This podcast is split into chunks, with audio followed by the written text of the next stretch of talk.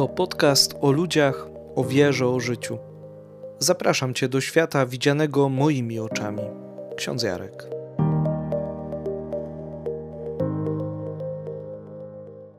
Witamy Was w drugim odcinku naszego podcastu Adwent na dwa głosy. Dzisiaj chcemy się zatrzymać przy temacie pokoju. Jak go rozumiemy, czym dla nas jest pokój, ale też czym jest brak pokoju i jak sobie może z nim e, radzić. Jak zawsze witamy Was razem z Anią. Aniu, co daje Ci pokój? Czym dla Ciebie pokój jest? Mm, ja myślę sobie, że dla mnie pokój jest taką równowagą wewnętrzną. Czyli takim stanem, w którym ja po prostu się dobrze czuję, w którym nie odczuwam lęku ani strachu. Tym dla mnie jest pokój. I myślę, że są różne rodzaje pokoju. Przynajmniej ja mogę tak powiedzieć o sobie, że mam jakiś taki pokój wewnętrzny, pokój serca, pokój zewnętrzny, który wynika z, nie wiem, różnych relacji na przykład w moim życiu, ale ogólnie dla mnie jest właśnie taką równowagą. Dla mnie pokój to jest taki stan takiego rzeczywiście bezpieczeństwa, takiej mhm. równowagi rzeczywiście psychicznej, duchowej, taki pokój, no, że nic mi nie zagraża tak naprawdę, że, że wszystko jest w porządku, że wszystko, nie wiem, dzieje się zgodnie z planem, o tak bym to nazwał. To jest dla mnie taki stan, e, stan pokoju. No i wiadomo, że są różne źródła tego pokoju. Mnie osobiście pokój dają właśnie relacje z drugimi ludźmi, daje mi pokój na przykład sakrament pokuty, no bo jednak człowiek, kiedy no coś tam ma na sumieniu i, i trochę go to sumienie gdzieś tam gryzie, czy wchodzi w jakieś grzechy, no to ten stan pokoju jest zaburzony, no bo, bo zaczynam żyć w jakimś takim powiedzmy no lęku, czy może no jest zburzony ten mój pierwotny stan, jaki powinien być, prawda? Coś w moim życiu się zmienia i nie jest tak, jak powinno być. No i wtedy ten pokój, pokój wewnętrzny jest, jest zaburzony. Ale wiadomo, że no, pokój to też jest stan emocjonalny, prawda? Takiego spokoju, takiej tak. równowagi i, e, i kiedy ktoś nadepnie mi na odcisk, tak to nazwijmy, jeśli ktoś gdzieś pokrzyżuje pewne plany, no to wiadomo, że człowiek wtedy zaczyna się denerwować, te emocje zaczynają gdzieś tam w nim brać górę i, i zaczyna też e, w tych emocjach działać w jakiś sposób. Kierowany jest emocjami, no i wtedy też to zaburza stan, e, stan pokoju. Tak, bo bardzo często emocje, y, które są potrzebne i ważne, powodują, że to nie my kierujemy tymi emocjami, tylko one kierują nami. I to one decydują o naszym zachowaniu. Jakbym miała właśnie wtedy powiedzieć, to pokój dla mnie to jest jakby przyjęcie tego, że te emocje są, no bo one nam o czymś mówią, ale to ja mam nad nimi kontrolę, a nie one nade mną. Myślę, że to nie jest łatwy stan też y, kontrolować swoje emocje, przynajmniej no ja nie zawsze potrafię to robić.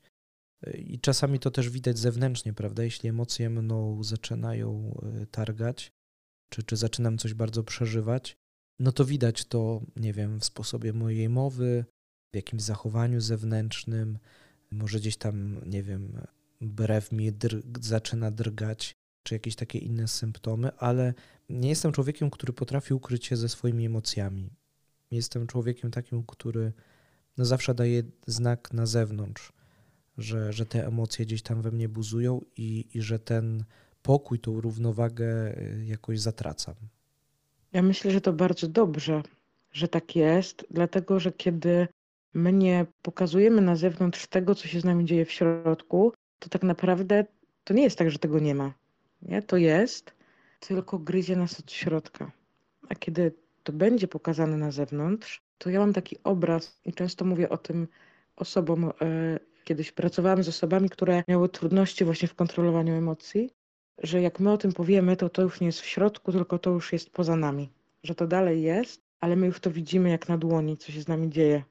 I tak jak ty powiedziałeś o tym, że, że ty pokazujesz te emocje, to ja myślę, że ja też tak mam podobnie, że po mnie widać, kiedy jestem zdenerwowana, kiedy jestem smutna, kiedy się boję. Ale te emocje wszystkie są potrzebne. bo o tym nam mówią emocje. No. Strach nam mówi o tym, że jesteśmy w jakimś zagrożeniu, że nasze życie, zdrowie, bezpieczeństwo jest zagrożone. Złość nam mówi o tym, że ktoś przekracza nasze granice. Tylko jest różnica pomiędzy tym, co czujemy, a tym, co pod wpływem tych emocji robimy. No to nad tym możemy pracować, żeby osiągnąć pokój. Czyli nie nad tym, żeby emocji w naszym życiu nie było, bo to jest niemożliwe, ale nad tym, co pod wpływem tych emocji robimy i w jaki sposób je wyrażamy. Czy to jest bezpieczny sposób, to jest niebezpieczne i trzeba coś z tym zrobić, nad tym pracować. Ale właśnie ja mam takie poczucie, że to mi daje pokój. Czyli świadomość tego, że mam emocje różne w różnych momentach swojego życia, ale że ja właśnie próbuję zrobić coś, żeby pod wpływem tych emocji nie robić sobie krzywdy, ani nikomu innemu. I właśnie, bo pokój to też chyba brak takiej poczucia krzywdy. Z jednej strony nie ja siebie krzywdzę sam, prawda? Nie mam tego poczucia krzywdy od środka, od wewnątrz, ale też no, wchodzimy tutaj na taki poziom relacji z drugim człowiekiem i, i to też jest brak poczucia krzywdy, że ktoś mnie krzywdzi, że ktoś mnie rani. Myślę, że, że o tym też trzeba no, mówić, że przekroczyłeś pewną barierę, zaczynasz mnie krzywdzić, to mnie rani. Bo, bo bardzo często drugi człowiek nie uświadamia sobie tego, co my wewnętrznie jakoś przeżywamy, albo czasami jest to dla niego obojętne zupełnie. I myślę, że, że, że taki sygnał, nazwijmy to zwerbalizowany, wypowiedziany, jest, jest też konieczny. I myślę, że, że krzywdy, które gdzieś tam doznajemy z zewnątrz, od ludzi, od sytuacji, też ten nasz pokój w pewien sposób zaburzają. Zdecydowanie tak. Ja myślę, że po prostu nas destabilizują. Nie? Że, że żyjemy w jakimś konstansie, że jest ok, i nagle dzieje się coś, co powoduje, że tak jak powiedziałeś wcześniej, my nie czujemy się bezpieczni. I, I tak jak wspomniałeś o tym, że trzeba zakomunikować, co się z nami dzieje, tak? Jak ktoś nam robi jakąś krzywdę, to jest bardzo ważne. Bo po pierwsze, zdarza się, że te osoby nie robią tego intencjonalnie, czyli że mają inną intencję, ale wychodzi jak wychodzi. A czasem jest tak, że my tym powiedzeniem stawiamy granicę i mówimy nie. Halo, tutaj jest moja granica, tu jest moja strefa komfortu, bezpieczeństwa i nie wchodź tam, czyli nie krzywdź mnie więcej. Nie zgadzam się na to. To jest zupełnie mm, co innego niż, niż właśnie zareagowanie taką agresją, nie? Czyli zareagowaniem tym samym, zareagowaniem odwetem. Bo tu nie chodzi o to, żeby nie reagować na krzywdę ale żeby zareagować w taki sposób, żeby przerwać tą krzywdę, żeby przerwać to doświadczanie, nie wiem, przykrości, trudności, tak? Czyli nie chodzi o to, żeby w ogóle nie reagować. Bo czasami myślę, że może nam grozić coś takiego, że no zaczną działać pewne mechanizmy, zacznie działać strach i ja się boję odezwać, czy boję się zareagować na to, że ktoś mnie krzywdzi. Wiadomo, że nie nad wszystkim damy zapanować, prawda? Ale myślę, że że pewne rzeczy da się też jakoś wypracować czy przepracować, że, że ja się nauczę mówić właśnie stop, nie wolno ci pójść dalej. Zdecydowanie tak. Strach jest głównym takim powodem tego, że my pozwalamy, my ludzie pozwalamy sobie na to, żeby inni robili co chcą z nami. I w momencie, kiedy sobie to uświadomimy, że ja się boję, ja bardzo lubię sobie zadawać takie pytanie samej sobie, jak czegoś się boję, ale czego właściwie się boję? Czyli co najgorszego może się stać? Jak komuś powiem stop. Może użyć wobec mnie na przykład siły. No tak, ale mogę coś z tym zrobić, tak? Czyli mogę pójść po sprawiedliwość, jeżeli ktoś użyje wobec mnie siły. Albo może ktoś się przestać do mnie odzywać. No tak może być. Natomiast wtedy uświadamiam sobie, że tak naprawdę zwerbalizowanie czego ja się boję pokazuje mi, że w zasadzie nie ma się czego bać. Bo nawet jeżeli ktoś przestanie się do mnie odzywać, no to po co mi taka relacja, w której kiedy ja mówię o tym, czego doświadczam, ktoś się na mnie obraża. Albo po co mi taka relacja, kiedy ktoś w stosunku do mnie używa siły. Niezależnie od tego, czy to jest siła fizyczna, czy to jest siła psychiczna, bo bardzo często to się tak zdarza. No ale wtedy ja sobie uświadamiam, że to w takim razie ja nie chcę takiej relacji.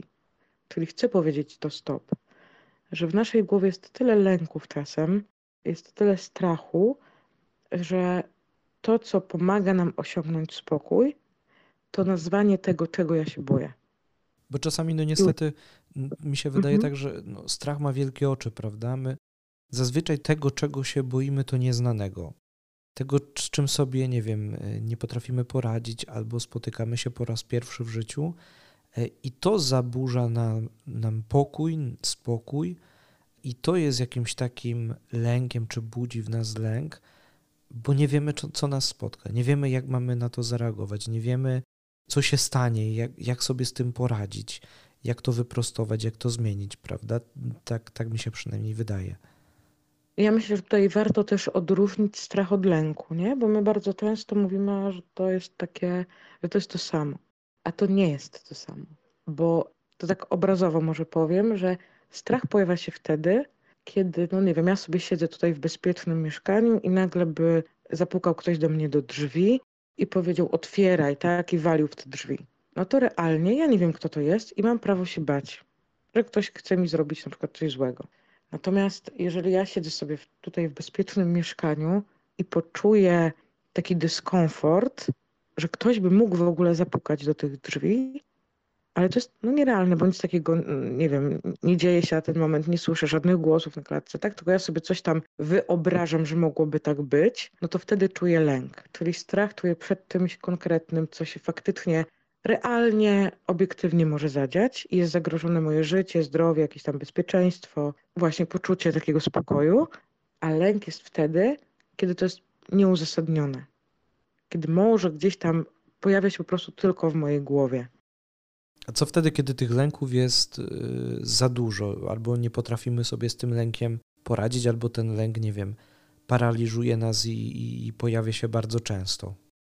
Wtedy najlepiej no po prostu udać się do specjalisty, tak? Udać się do lekarza psychiatry, udać się do terapeuty. Ja wychodzę z założenia, że najpierw musimy sprawdzić tak medycznie, czy coś się z nami dzieje, to znaczy, czy na przykład nie nabawiliśmy się jakiejś nerwicy lękowej, a potem skorzystać z pomocy psychoterapeuty po to, żeby poukładać sobie skąd u mnie w ogóle te lęki się biorą. Żeby zastanowić się, jak to się zadziało, że właśnie ten lęk ma władzę nade mną. Ja myślę, że to jest bardzo ważne, bo już jest naprawdę lepiej takiej świadomości ludzi, że korzystanie z pomocy psychiatry nie oznacza, że jestem chory psychicznie. A nawet jeżeli jestem, to jest taka sama choroba jak choroba fizyczna. Natomiast dalej to jest bardzo w pewnych kręgach, może tak powiem, jest tak, że bardzo trudno kogoś do takiego lekarza psychiatry przekonać, czy do psychoterapeuty, nie? A to nie chodzi o to, żeby, żeby ktoś mnie naprawił. To nie chodzi o to, żeby ktoś mi wtłoczył do głowy jakąś wiedzę e, albo swoje myślenie, tylko psychoterapia polega na tym, że to ja sam odkrywam, czemu tak jest, czemu ten lęk ma nade mną taką władzę. A czasem jest tak, że psychoterapia właśnie nie wystarczy, dlatego że żeby móc w ogóle nad tym pracować, ja muszę się uspokoić. I zdarza się, że konieczne do tego są środki farmakologiczne, przyjmowane na chwilę, po to, żeby, no właśnie, żeby osiągnąć takie poczucie bezpieczeństwa i móc nad tym pracować. Ale żeby to się mogło zadziać, po prostu trzeba to sprawdzić. Czasami rozmawiam z ludźmi właśnie, którzy wychodzą z założenia, no coś tam w ich życiu się dzieje, mm, widzą to wszyscy dookoła, zwracają na to uwagę, ale no oni nie chcą sobie pomóc, w sensie uważają, że nic się nie dzieje, że sobie sami dadzą radę. I myślę, że w takich momentach e, ważne jest to, żeby przypilnować drugiego człowieka e, i mu w konkretny sposób po prostu pomóc w jakiś konkretny sposób, nie wiem, nawet zaoferować pójście do, do lekarza, pójście do specjalisty. Może ktoś się po prostu boi, może ktoś boi się zrobić ten pierwszy krok, właśnie to, co też powiedziałaś, że, że zostanie, nie wiem, wyśmiany, naznaczony już jako, jako psychicznie chory i, i gdzieś zostanie zmarginalizowany w społeczeństwie, a to nie o to chodzi. Chodzi o to, żeby rzeczywiście sobie pomóc, bo to jest tak jak, tak jak porównałaś do zwykłej choroby fizycznej, że no musimy mieć, musimy pójść do lekarza, żeby sobie pomóc.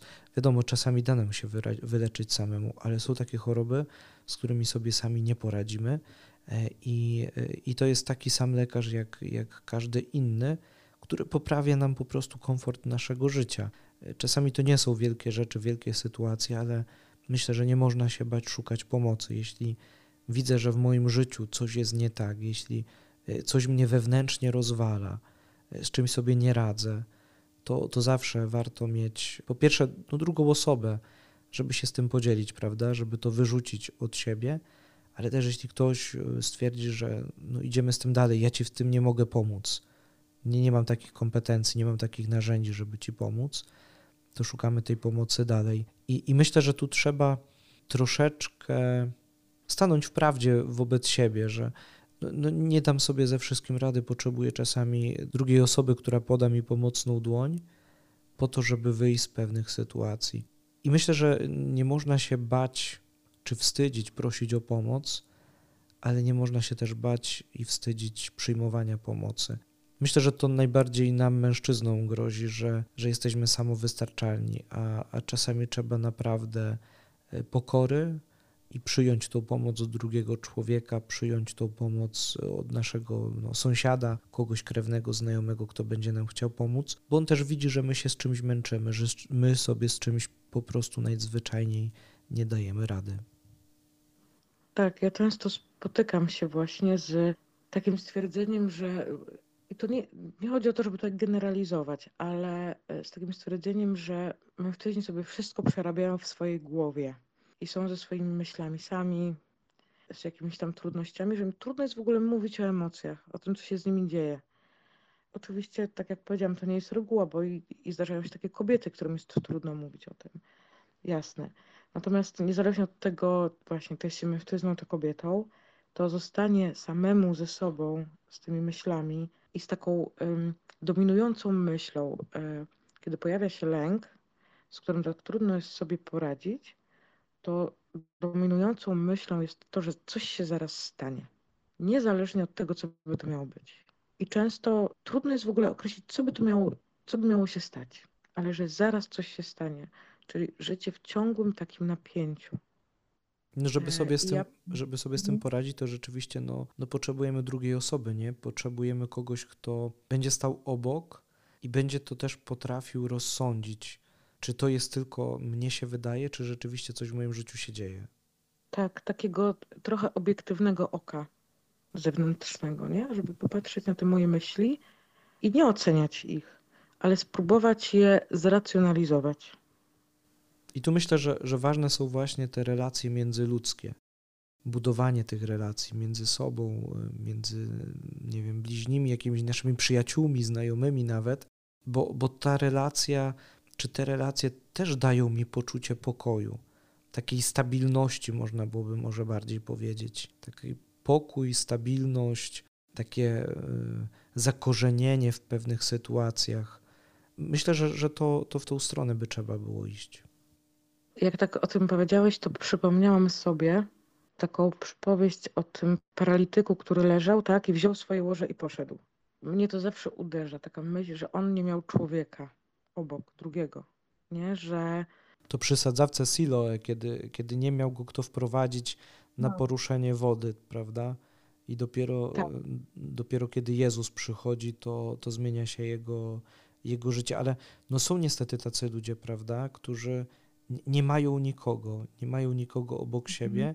I, I myślę, że no, Adwent też nas powinien wyczulać, czy, czy sprawiać, że będziemy patrzyli też tymi Jezusowymi oczami na drugiego człowieka, na naszego bliźniego, i żebyśmy potrafili zobaczyć tego, który jest w jakiejś, w jakiejś konkretnej potrzebie, czegoś mu brakuje.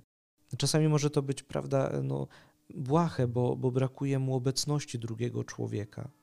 Zdecydowanie tak. I ja myślę, że nam się wydaje, że trzeba nie wiadomo czego, nie wiadomo jakich gestów, nie wiadomo jakiego działania. A właśnie, czasem wystarczy tylko obecność, ale myślę, że to, co jest też istotne, co ty powiedziałeś, konkretna potrzeba. Czyli nie to, co ja sobie myślę, że dana osoba potrzebuje, tylko żeby posłuchać tej osoby, czego ona tak naprawdę chce, bo na, my możemy mieć różne wizje, że właśnie ta osoba na przykład, nie wiem, potrzebuje obecności drugiego człowieka, a on tak naprawdę na początek potrzebuje, no właśnie, żeby ktoś na przykład mówił ją do lekarza, bo sama nie jest w stanie zadzwonić, bo się boi albo nie umie. Patrzenie Jezusowymi oczami to dla mnie jest patrzenie właśnie konkretne.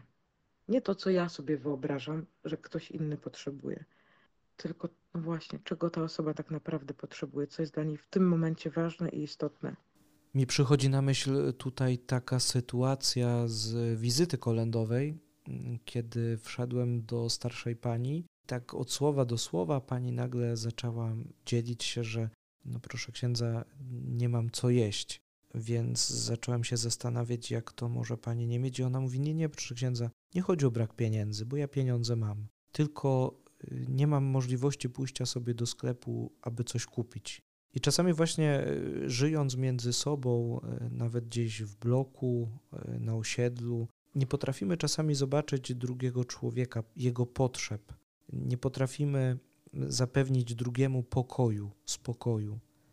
My czasami jesteśmy tak jakoś zaoferowani sobą, i myślę, że trzeba się tutaj w tym pokoju wystrzegać takiego egoizmu trochę, że no, ja mam święty spokój, no to już reszta mnie nic nie interesuje, niech sobie inni jakoś radzą. Chyba wydaje mi się, że to, no, to nie jest właściwe rozumowanie i to nie jest właściwa ścieżka, w którą trzeba chodzić. Tak, bo y, ja też mam podobne myślenie, że pokój wewnętrzny mogę osiągnąć wtedy, kiedy nie sprawiam, że przeze mnie inni są w niepokoju. Czyli, że jakoś moje zachowanie, słowa, gesty nie sprawiają, że jakby sprawiają, tak, że inni no, tracą tą stabilność swoją, nie? I wtedy mogę powiedzieć o swoim pokoju, nie? Że nie jestem, moje zachowanie nie jest powodem czyjegoś niepokoju. Tutaj te relacje z drugim człowiekiem są bardzo ważne i mm, wydaje mi się, że czasami no, jest tak w naszym życiu, że musimy pewne relacje wziąć na warsztat.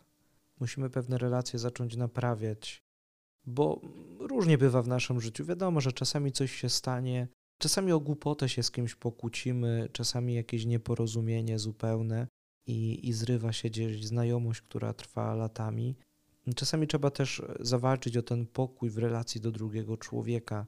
Czasami trzeba po prostu stanąć prawdzie i powiedzieć: Przepraszam, zawaliłem, zrobiłem coś niewłaściwego. Nie jest to łatwe, myślę. Czasami jest to nawet wręcz bardzo, bardzo trudne, bo no, kto z nas z łatwością przyznaje się do błędów? Raczej myślę, że zaczynają działać wtedy pewne mechanizmy obronne i, i chcemy sobie ten pokój w jakoś taki sztuczny sposób też zapewnić a czasami nie trzeba e, wiele, żeby te, te relacje z drugim człowiekiem e, naprawić. Może gdzieś jakieś zaszłości sprzed lat, może gdzieś jakieś relacje w domu, w rodzinie. Też się zastanawiam, czy to, to nie jest też dobry czas na to, ten czas adwentowy, przygotowania do świąt Bożego Narodzenia, które przecież są takie bardzo, bardzo rodzinne, nawet bym powiedział takie bardzo relacyjne do drugiego człowieka, kiedy się spotykamy. Myślę, że to, ta, ta, ta relacja do, do bliźnich, do drugiego człowieka jest, jest bardzo ważna w osiągnięciu takiego własnego pokoju. To tak jest w naszym życiu, że kiedy mamy jakieś silne relacje i nagle coś się dzieje, tak jak powiedziałeś, że czasem pokłócimy się jakąś głupotę, a czasem nawet się nie pokłócimy, tylko po prostu przestajemy ze sobą rozmawiać, to znaczy, że mamy coś niedokończonego, jakąś niewyjaśnioną sprawę, nieprzerobioną relację. Czasem może być tak, że to zerwanie relacji wynikało z tak trudnych rzeczy, że nie będzie można tej relacji naprawić. Ale to nie znaczy, że trzeba ją wyrzucać do kosza. Tylko, żeby przyjąć, że tak jest, że czasem tak się dzieje, że jedne relacje się kończą, ale żeby się z nią pożegnać w taki właśnie bezpieczny i spokojny sposób. Ale większość jednak jest takich relacji, które jesteśmy w stanie spróbować naprawić, czyli podjąć działanie, żeby zrobić właśnie coś w tej relacji, co spowoduje, że ona może już nie będzie taka sama, bo nie wiem, mijają lata i my już jesteśmy inni. Jesteśmy na innym etapie życia, myślimy inaczej, ale właśnie to jest to, co ty powiedziałeś, że boimy się przyznać do błędu, e, boimy się przeprosić, ale czasem jest tak, że jesteśmy już innymi ludźmi, że nawet nie pamiętamy o co poszło że, że to jest jakoś tak gdzieś w nas mocno zepchnięte gdzieś do środka, żeby się tym nie zajmować. Czasami się chyba fiksujemy w ogóle na, na pewne sprawy i, i tak jak już tak się zakręcimy, że, że nie pamiętamy od czego to w ogóle się zaczęło, gdzie, gdzie tak. był początek tej całej sytuacji, jakiejś tam lepszej lub, lub gorszej. I, I wtedy też człowiek zaczyna się zastanawiać, jak wrócić. Myślę, że im dłużej w takim takim błędnym kole trwamy, tym, tym rzeczywiście potem jest trudniej wrócić. Trudniej tak, jest. Trudniej jest wrócić do normalności, ale myślę, że tu też trzeba powiedzieć o przy, przy pokoju zwłaszcza o, o pewnych toksycznych relacjach. Mhm. Że jeśli, jeśli widzimy, że, że jakaś relacja jest toksyczna, jeśli ona mnie niszczy wewnętrznie, jeśli ona zaburza mój e, spokój, mój pokój, to też mam prawo powiedzieć dość. Ja nie chcę w tym dalej tkwić, prawda? Mhm. Jeśli coś mnie nie rozwija, ale mnie niszczy, jeśli jest dla mnie destrukcyjne, to, to, to też powinienem to powiedzieć wprost. I nie, no bać tak. się, I nie bać się takiej relacji też e, no, zakończyć, bo, bo myślę, że to nie jest też niczym złym. Czasami to jest wręcz ratujące dla mnie, ale też dla drugiego człowieka. Czy jest dla drugiego otrzeźwieniem w pewien sposób? Myślę, że, że to jest dyskusyjne i zazwyczaj drugi człowiek w ogóle nie widzi swoich błędów, jeśli, jeśli pewnych rzeczy nie, nie przemyśli. Ale, ale jeśli ja czuję, że, że jakaś sytuacja jest dla mnie no, niewłaściwa, to czasami dla ratowania siebie, dla ratowania swojego życia, też swojego poczucia bezpieczeństwa, trzeba powiedzieć po prostu dość. Ja zawsze w takich sytuacjach zastanawiam się, co mi ta relacja daje, ale nie na takiej zasadzie, że ja chcę czerpać tej relacji jak najwięcej, nie wiem, jestem egoistką, tylko właśnie, czy jeżeli ja czuję w tej relacji pokój, bo ja mogę czuć w jakiejś relacji pokój nawet wtedy, kiedy ja się z kimś pokłócę, ale wiem, że ta relacja jest bezpieczna, bo jest właśnie jawna, bo mogę śmiało powiedzieć swoje zdanie na przykład.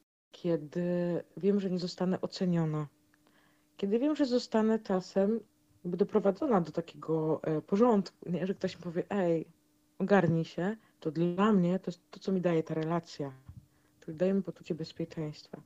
A kiedy ja rozmyślam sobie o różnych relacjach w swoim życiu i wiem, że właśnie, że w tych relacjach nie było bezpieczeństwa, nie było, właśnie nie było pokoju, to znaczy, że tą relację trzeba zakończyć. Jeżeli ja nie czuję się pewnie w tej relacji, swobodnie, bo ja mam zawsze taką miarę. Nie wiem, czy to jest, to jest dobra miara, czy nie, ale ona mi pomaga. Kiedy ja czuję w jakiejś relacji lęk, ale to jest lęk, który jest taki lęk, który jest uzasadniony, tak, że, że widzę, że coś się ze mną dzieje, to zawsze sobie w takim momencie myślę, że wtedy, kiedy jest Pan Bóg, to On przychodzi z pokojem, nie z lękiem. I to nie chodzi o to, żeby właśnie zwalać na Pana Boga, że to znaczy, że ta relacja jest zła, bo czuję lęk. Ale to jest taka moja miara że skądś ten lęk się u mnie pojawia. I wtedy ja staram się to rozeznać. Nie oczywiście jakoś szybko, tylko, tylko właśnie zastanowić się o co chodzi. I jeżeli ja czuję, że tak, jak ty powiedziałeś, ta relacja mnie wyniszcza od środka, no to ja ją wtedy kończę. I idealnie by było, żeby umieć kończyć te relacje w sposób bezpieczny. Ale nie zawsze tak się da, bo nie zawsze inni przyjmują to, że my chcemy jakąś relację zakończyć. Czasami myślę też, że tutaj też jest kwestia takiego pogodzenia się z Panem Bogiem, aby odzyskać pokój, taki wewnętrzny swój, bo no różnie prowadzi się nasze życie, na różne manowce wchodzimy, wchodzimy w różne grzechy, oddalamy się od Pana Boga. No ale żeby rzeczywiście doświadczyć takiego wewnętrznego pokoju, no to no potrzeba jest pojednać się z Bogiem. Myślę, że to też można postawić na równi Pana Boga i drugiego człowieka. To jest taka jasność w tej relacji, to jest taka przejrzystość relacji też. Takie stanięcie w prawdzie. Wiadomo, no jeśli chodzi o Pana Boga, no to jest kwestia rachunku sumienia też, prawda? Kiedy, kiedy ja mhm. widzę, co jest dobre, co jest złe, gdzie zrobiłem dobro, gdzie, gdzie to dobro zaniechałem, i może nawet w relacji do Pana Boga jest to trochę łatwiejsze, bo, bo to sumienie nam też podpowiada, z drugim człowiekiem bywa trudniej, ale też myślę, że, że trzeba sobie robić taki rachunek sumienia też z tej relacji do drugiego człowieka, z miłości do drugiego człowieka przede wszystkim. Nie trzeba się zastanowić, dlaczego ja w ogóle no, mam podchodzić z miłością do drugiego człowieka, no bo tam jest Bóg. I te dwie rzeczywistości myślę, że są tak, no trochę się łączą ze sobą. Ale myślę, że to jest dobry czas na to, żeby, żeby wracać do Pana Boga, żeby się z Nim pojednać i, i tu nie jest ważne, jak daleko od niego odchodzimy, tak naprawdę. Nie jest ważne, ile lat, nie wiem, jak dawno nie byłem u spowiedzi, bo mogłem być dwa tygodnie temu, mogłem być miesiąc, mogłem być dziesięć lat temu u spowiedzi. I myślę, że Pan Bóg też daje nam taki pokój pokój serca, obdarza nas swoją miłością, właśnie jeśli stajemy w prawdzie. I może to też jest taki wyznacznik takiego pokoju wewnętrznego, życie w prawdzie, stawanie w prawdzie z drugim człowiekiem. Ja myślę, że z drugim człowiekiem, ale też z samym sobą, bo często bywa tak, że tak jak ty powiedziałeś, że schodzimy na manowce, że popełniamy błędy i trudno jest nam sobie wybaczyć. A to stanięcie w prawdzie, no właśnie, przy, na przykład w sakramencie pokuty i pojednania, przeproszenie Pana Boga, przyznanie się do, do tego, co było nie, nie tak, nie, co było niewłaściwe, powiedzenie też o tym, co było dobre i, i jakieś wartościowe, bo to myślę, że to też jest ważne, żeby też o tym powiedzieć, to, to jest też taka szansa na to, żeby właśnie wybaczyć sobie samemu. Bo my często mamy żal do ludzi, e, gdzieś tam mamy żal do Pana Boga, że nasze, nasze życie wygląda tak, a nie inaczej, ale pod tym też się kryje taki żal do samego siebie, takie poczucie winy, w którym, w którym my nie jesteśmy w stanie funkcjonować, dopóki w tej prawdzie nie staniemy nie pogodzimy się z tym, że okej. Okay. I to nie chodzi o to, żeby głaskać się po głowie i mówić, że zrobiłeś źle, ale super, ale żeby sobie wybaczyć po prostu.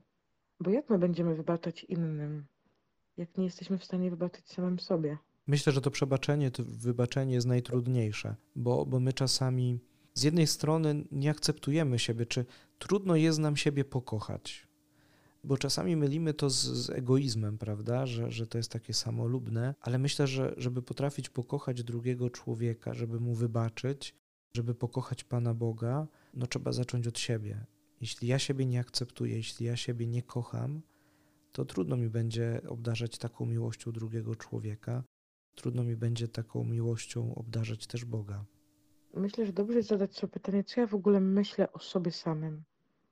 Czy ja potrafię spojrzeć na siebie z taką czułością? Ale też stanąć w takiej prawdzie, nie? że y, no, z jednej strony mam, mam oczywiście wady, ale my, my bardzo często się skupiamy tylko na własnych wadach i nie potrafimy dostrzec zalet. I, i czasami tęsknimy, lecimy za czymś, co inni mają, prawda? Bo tamten potrafi grać na pianinie, ktoś tam jest dobrym sportowcem, a nie potrafimy zobaczyć naszych talentów, naszych darów. I tak naprawdę no, wcale się nie rozwijamy wtedy, bo, bo stoimy w miejscu. Mhm. Stoimy w miejscu jacyś tacy zakompleksieni, pragnący czegoś, co czasami jest wręcz nieosiągalne, no bo nie wiem, nie mam natury sportowca, to, to nie będę drugim Lewandowskim, który potrafi grać w piłkę. Jeśli e, nie potrafię grać w tenisa, no, no to nie będę dobrym tenisistą. I czasami my tęsknimy za czymś, czego no być może nigdy nie będziemy mieli. Wiadomo, warto próbować, prawda? Warto się rozwijać ale, ale czasami zapominamy o tym, czy, czy nie potrafimy dostrzec tego, co, co mamy na wyciągnięcie ręki, co, co mamy w swoim palecie umiejętności, zdolności mhm. i, i nie potrafimy też tego czasami wykorzystywać dobrze. Tak, jak tak o tym powiedziałeś, to z kolei ja sobie przypomniałam takie zdanie, które gdzieś tam usłyszałam kiedyś e, na rekolekcjach domowego kościoła, że jak ktoś nas pyta o to, co się stało, nie? to, że w tym pytaniu jest y, tak, takiego coś negatywnego, nie? Że, że my szukamy w głowie, co się stało złego od razu. Czyli, nie wiem, jakaś choroba, nie wiem, jakieś problemy, tak? No przecież co się stało, to znaczy, czyli co się zadziało. Nie przychodzi nam do głowy, co dobrego się zadziało. Tylko my od razu z takim niepokojem zastanawiamy się, no co złego się, że, że musiało coś złego się stać, nie? A gdyby właśnie tak jak ty powiedziałeś o tych zaletach, spojrzeć na nasze życie, ale nawet nie całościowo, tylko na przykład dzisiaj. Co się dzisiaj stało dobrego? I być może będzie tak, że w tym takim bilansie mniej będzie tych rzeczy dobrych, ale będą. I że to też jest ważne, jak my patrzymy na codzienność, nie? Bo na przykład mi to daje pokój, że ja e, myślę, że na przykład to był słaby dzień dzisiaj, nie? Bo to mi nie wyszło, to miało być inaczej, to poszło nie tak. A potem siedzę i myślę, ale dobra, ale co dobrego się stało dzisiaj? No, na przykład ten dzień się już kończy, tak? I masz szansę na następny. Albo, no właśnie, udało ci się coś tam innego. To nie wyszło, ale poradziłaś sobie w tej sytuacji, nie? I takie dostrzeganie jest też bardzo ważne, bo my wtedy trochę wychodzimy z tego poczucia nie wiem, złości, tak, z lęku, strachu, mnóstwa emocji i skupiamy się na faktach. I w takich sytuacjach bardzo dobrze się skupiać na faktach. Okej, okay, było tak, tak, tak i tak, ale co się stało dobrego? Myślę, że dzisiaj y, wiele ludzi marzy o pokoju, nawet patrząc na to, co się dzieje za naszą granicą, prawda? Gdzieś ten pokój cały czas y, jest zagrożony, y, coraz bliżej Polski zresztą, ale no nie, nie mówię po to, żeby, żeby to jakoś wprowadzać ponury nastrój, ale gdzieś za tym pokojem cały czas człowiek goni, cały czas gdzieś szuka swojego miejsca, swojej takiej przystani, czy, czy takiej swojej oazy pokoju, gdzie, gdzie będzie rzeczywiście czuł się dobrze. Czy dla ciebie łatwo jest być człowiekiem pokoju? Bywa różnie.